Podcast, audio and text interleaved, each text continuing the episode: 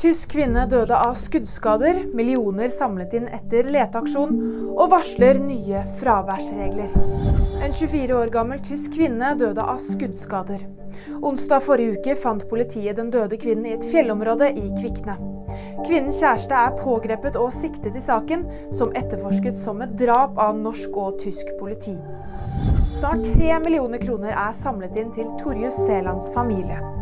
Det ble opprettet en spleisinnsamling til begravelse og uforutsette utgifter etter at syvåringen ble bekreftet omkommet etter flere dagers leteaksjon i Lindesnes.